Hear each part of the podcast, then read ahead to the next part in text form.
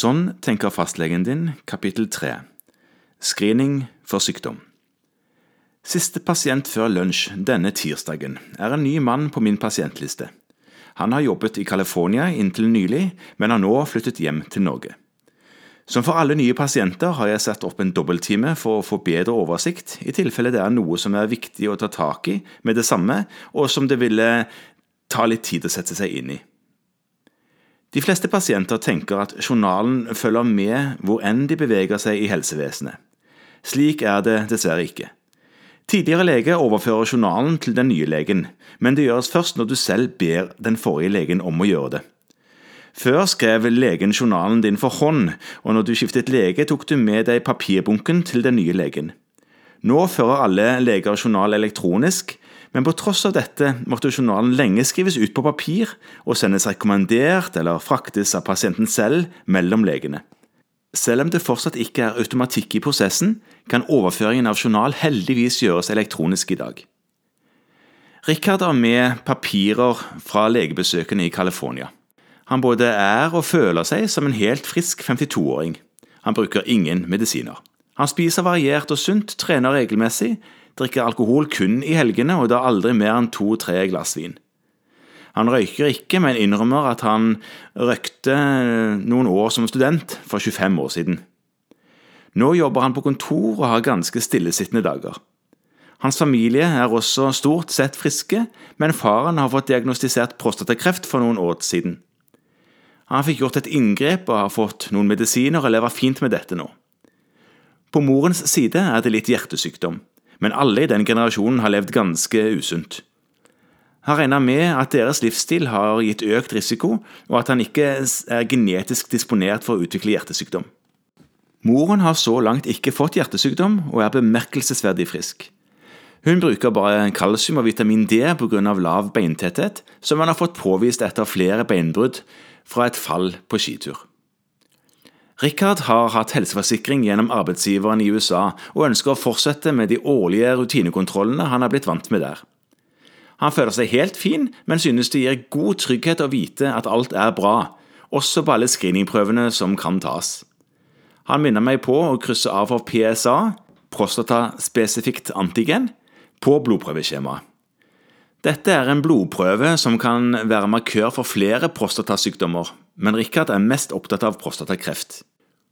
Konsultasjonen med Rikard får meg til å gruble. Hvordan oppstår troen på at screening alltid er lurt? Det kan kanskje starte på denne måten. Forskere finner ut at en test eller en prosedyre gjør at personer med særlig høy risiko for noe, som lårhalsbrudd eller prostatakreft, får risikoen sin redusert. Man tenker at det som er bra for én gruppe, sannsynligvis er bra for alle andre også. Problemet er at det vet vi ikke. For å si noe sikkert om det må det utføres store og ofte kostbare studier. Iblant utvikler det seg en kultur for å måle ting som er lett å måle. Beintetthet måles ved røntgen og er altså en ganske ressurskrevende undersøkelse. Vi henviser ikke alle kvinner som har gjennomgått menopause til en slik undersøkelse, selv om lave østrogenverdier i den fasen av livet øker risikoen for beinskjørhet. Men når pasienten har brukket flere ben, som Rikards mor, er det naturlig å henvise til undersøkelse og følge opp dette. Sammenlignet med beintetthetsmåling er det billigere og mer praktisk å rekvirere en PSA-prøve på jakt etter kreftsykdom, fordi dette bare er en blodprøve. Selv om man kan påvise endringer i PSA tidligere om man screener for det, forteller ikke denne verdien noe om det foreligger prostatakreft eller ikke. Richard mener likevel at han vil oppleve mye bekymring om han ikke får avklart det han tidligere fikk undersøkt i USA. Han har jo til og med prostatakreft i familien, så det er uansett viktig å følge med på. Jeg er forsiktig med å ta prøver for sikkerhets skyld. Richard og hans mor er gode eksempler. Et udramatisk fall i langrennssporet tåler de fleste, men Richards mor pådro seg flere beinbrudd. Da henvises hun til beintetthetsmåling fordi det er grunn til å mistenke at hun har lav beintetthet. Kanskje også beinskjørhet, osteoporose.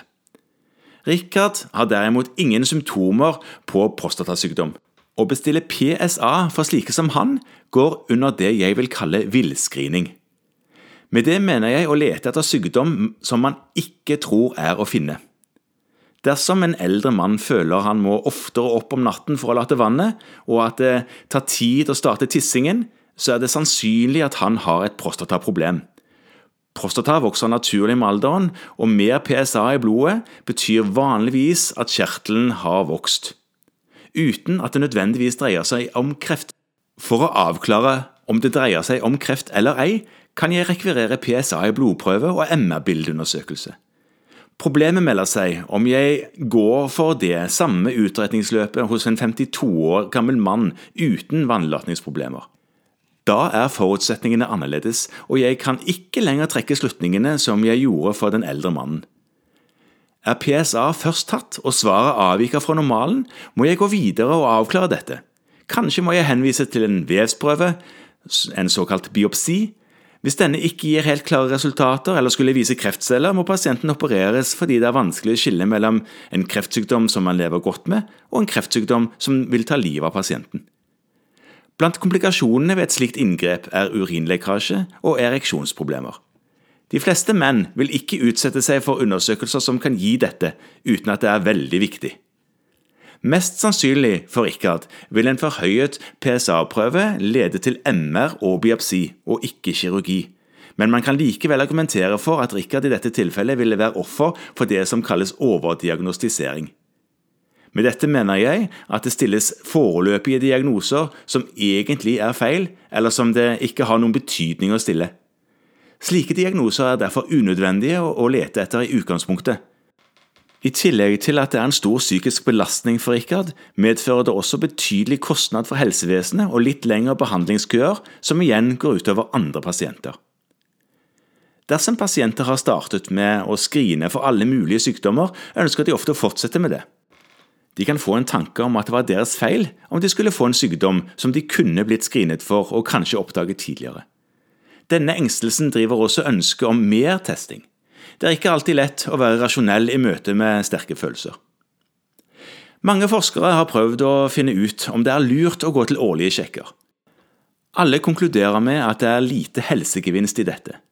Det kan virke underlig og ulogisk, men en av grunnene kan være at forskning viser at de som er bevisste på sin egen helse og tenker at årlige kontroller er lurt, uansett vil søke lege fort dersom det skulle dukke opp symptomer som krever legetilsyn. Det er altså lite ekstra å hente på å sjekke en som er helt frisk, før det oppstår tegn eller symptomer på sykdom. Men det finnes screeningprogram som har noe for seg. På disse testene vil det også være noen uten sykdom som likevel slår ut på testen, men legene godtar dette fordi de kan finne sykdom og redde liv hos andre. Grunnen til at vi ikke alltid godtar dette og screener for alt, har med flere ting å gjøre. Viktigst er kanskje at de fleste tester vil ha for mange falske positive. De screeningprogrammene vi har i Norge, er mammografiprogrammet og livmorhalsprogrammet. Det siste screeningprogrammet som er innført, er for tarmkreft. Det rulles ut blant 55-åringer fra 2021. Det vil ta litt tid før alle i Norge har kommet i gang med dette. Det er helt frivillig å delta i screeningprogrammene. Screeningen for livmorhalskreft utføres med en celleprøve på fastlegekontoret og dersom man glemmer timen sin, vil man få et påminnelsesbrev i posten fra Kreftregisteret. Kreftforeningen og helsemyndighetene har ofte hashtag sjekk deg-kampanjer for å øke oppslutningen rundt livmorhalskreftprogrammet. Fordi forskning viser at deltakelse i disse programmene gir bedre helse og redder liv. Om en kvinne ikke tar celleprøven hun burde på åtte til ti år, vil hun få utstyr tilsendt for å ta prøven hjemme. For tarmscreeningen tas alltid prøven hjemme, men mammografi er en røntgenundersøkelse som gjøres på sykehus eller røntgeninstitutt.